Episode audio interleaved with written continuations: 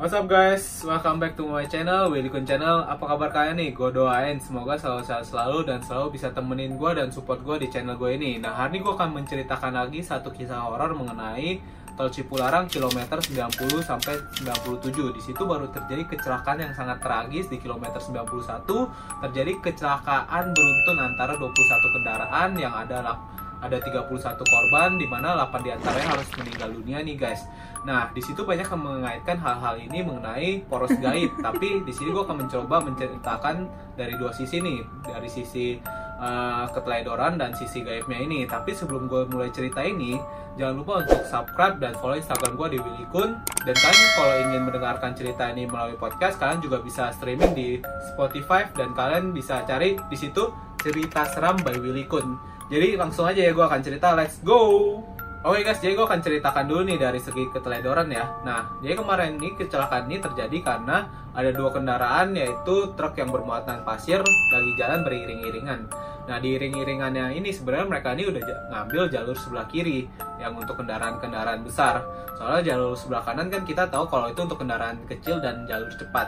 Nah tapi di perjalanannya ini yang truk yang depan ini ingin untuk melalui truk yang di depannya. Jadi kan jadi truk pasir yang pertama ini ngambillah jalur kanan untuk memotong uh, truk di depannya ini. Pas dia ngambil jalur kanannya ini terus dia ngerasa kok remnya ini blong pas dia nginjek-injek remnya ini blong dia telepon temennya ini dan dia bilang e, rem saya ini blong nih pak. Terus temennya ini bilang banyak-banyak berdoa lah. Setelah itu setelah dia tutup teleponnya ini dia berusaha untuk menghentikan atau melambatkan truknya ini. Di mana saat dia coba untuk melambatkan truknya ini sebenarnya truknya ini udah lumayan melambat lah. Setelah dia merasa udah lumayan melambat dia mulai ngambil ke jalur kiri lagi. Tapi pas dia ngambil ke jalur kiri ini rupanya ban yang depannya ini tiba-tiba meletus gitu. Meletus nah jadi pengendara truk ini nggak bisa ngendalin truknya yang lagi. Terus akhirnya dia nabrak sisi jalan di sebelah kiri dan dia akhirnya tergulir di tengah jalan. Jadi setelah dia tergulir ini kan dia nutupin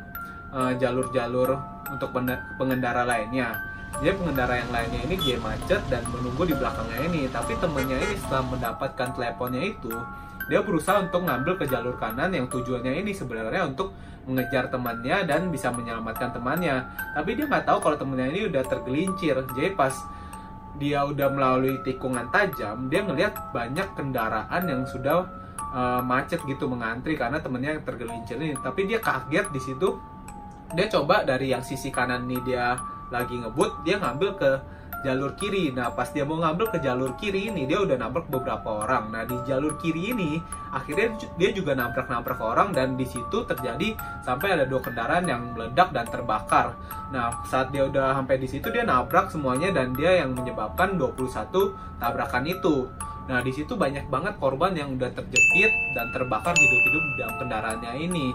Jadi itulah kronologis kejadian yang kemarin kalau dibilang keteledoran karena e, banyak yang bilang kalau truknya ini sebenarnya bermuatan pasir yang berlebihan. Jadi ketika dia ngambil tikungannya ini dan dia melihat kendaraan di depannya ini dia nggak bisa rem mendadak. Dia terbawa oleh muatan yang besar. Ini terdorong gitu kendaraannya. Jadi dia menabrak semuanya dan menyebabkan kecelakaan itu. Nah itu secara kalau e, dibilang dari sisi kronologis tabrakan yang keteledorannya. Nah, sekarang gue akan coba menjelaskan dari sisi gaibnya nih guys. Katanya di kilometer 97 sampai 90 ini adalah tempat ritual. Kenapa dibilang tempat ritual? Karena kilometer ini melewati atau uh, ada di sisi Gunung Hejo. Jadi kalau kalian tahu sebenarnya Gunung Hejo ini adalah tempat pemujaan atau tempat ritual. Jadi sebenarnya tol Cipularang ini awalnya mau menembus Gunung Hejo, tapi katanya ini pas mereka membuat tol ini dan mereka mau nembus Gunung Hejo nggak pernah berhasil jadi menggunakan alat-alat canggih dan menggunakan kendaraan-kendaraan berat nggak pernah berhasil malah memakan banyak korban dan akhirnya itu dibuatlah uh, tol ini melewati sisi gunung nggak menembus dari Gunung Hejo ini Nah, gue akan menceritakan lebih detail lagi nih mengenai Gunung Hejo. Jadi, Gunung Hejo itu adalah tempat ritual dan tempat pemujaan. Nah, kata juru kunci dari Gunung Hejo, sebenarnya di Gunung Hejo ini ada uh, penunggu gaibnya, yaitu Sek Magelung Sakti. Yang wujudnya ini adalah seorang kakek-kakek berjenggot, tinggi, memakai sorban, dan berpakaian putih. Nah, di situ dibilang kalau sebenarnya saat pembuatan tol Cipularang ini ada perjanjian di mana di kilometer 91 akan dibuatkan jalur untuk menuju Gunung Hejo. Tapi sampai sekarang nggak ada tuh yang terrealisasi ada pembuatan jalan ke Gunung Hejo ini. Jadi kalau kalian mau ke Gunung Hejo biasanya orang akan berhenti di rest area dan mereka itu kayak loncatin jalur uh, pinggirnya ini untuk menuju Gunung Hejo. Nah jadi kayak juru kunci ini bilang ada permintaan yang diingkari oleh pembuatnya ini. Nah, jadi setelah ingkar janji itu, sebenarnya banyak makhluk-makhluk gaib dari Gunung Hejo ini bermunculan untuk mengganggu masyarakat dan pengendara di sekitar tol Cipularang kilometer 90 sampai 97. Nah, di sini gue akan coba memberikan 5 kisah yang paling menyeramkan menurut gue karena banyak banget cerita dari pengendara atau masyarakat di sekitar ini. Kalau gue ceritakan semuanya akan terlalu panjang, jadi gue akan memberikan kalian 5 kisah yang paling menyeramkan menurut gue. Nah di sini yang kisah pertama adalah mengenai satu keluarga guys. Di situ ada satu keluarga yang dari Jakarta mau menuju Bandung untuk liburan. Mereka pergi hari Jumat nih.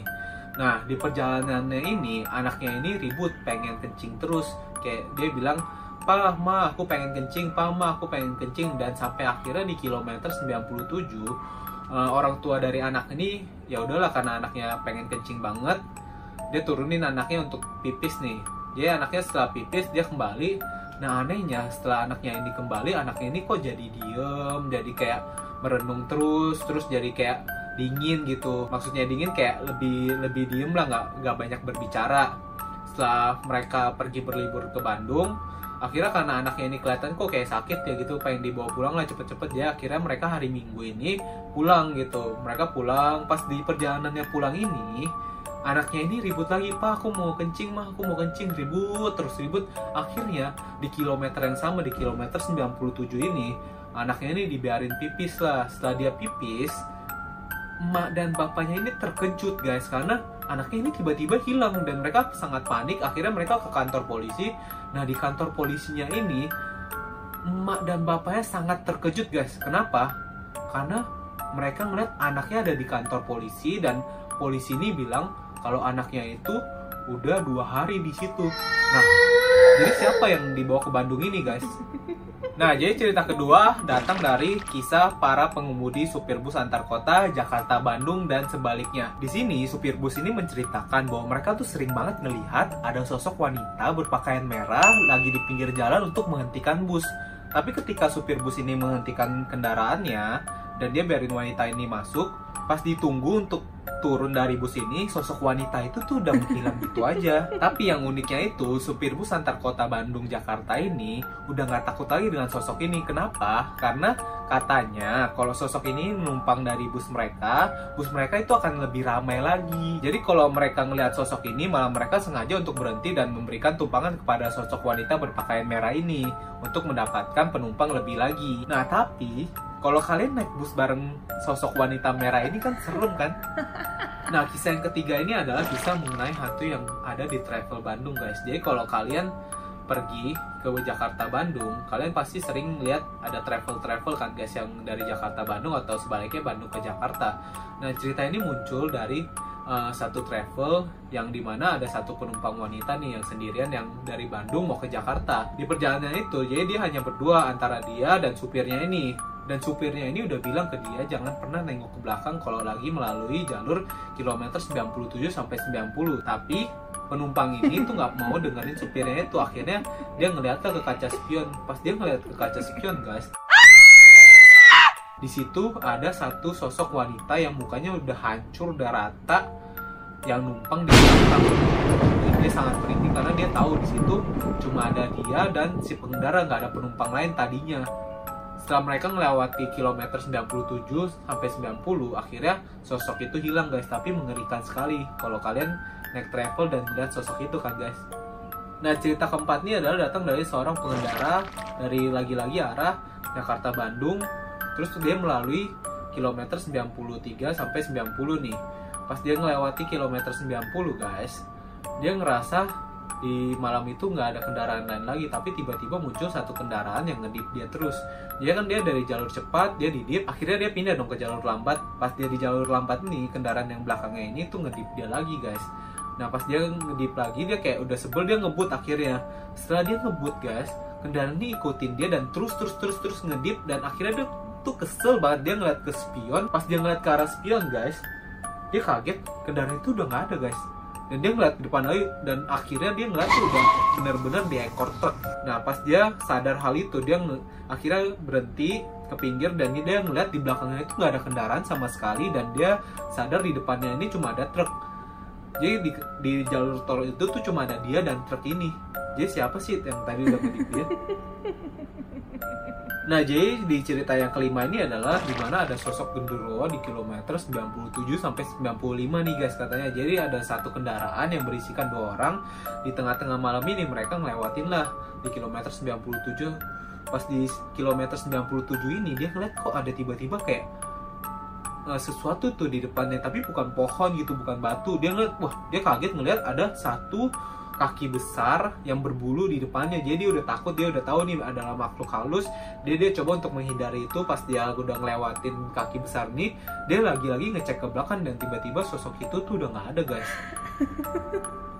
jadi percaya nggak percaya mengenai poros gaib di tol Cipularang kilometer 90 sampai 97 hal ini harus menjadikan kita sebagai peringatan bahwa kita ini nggak hidup sendirian di dunia ini guys Nah, kalau kita melewati satu tempat dan kita merasa nggak nyaman, banyak-banyaklah berdoa dan pasrah kepada Tuhan yang menciptakan kita, guys. Karena dialah yang memiliki makhluk di dunia ini. Jadi itu dia 5 kisah mengenai misteri tol Cipularang kilometer 97 sampai 90.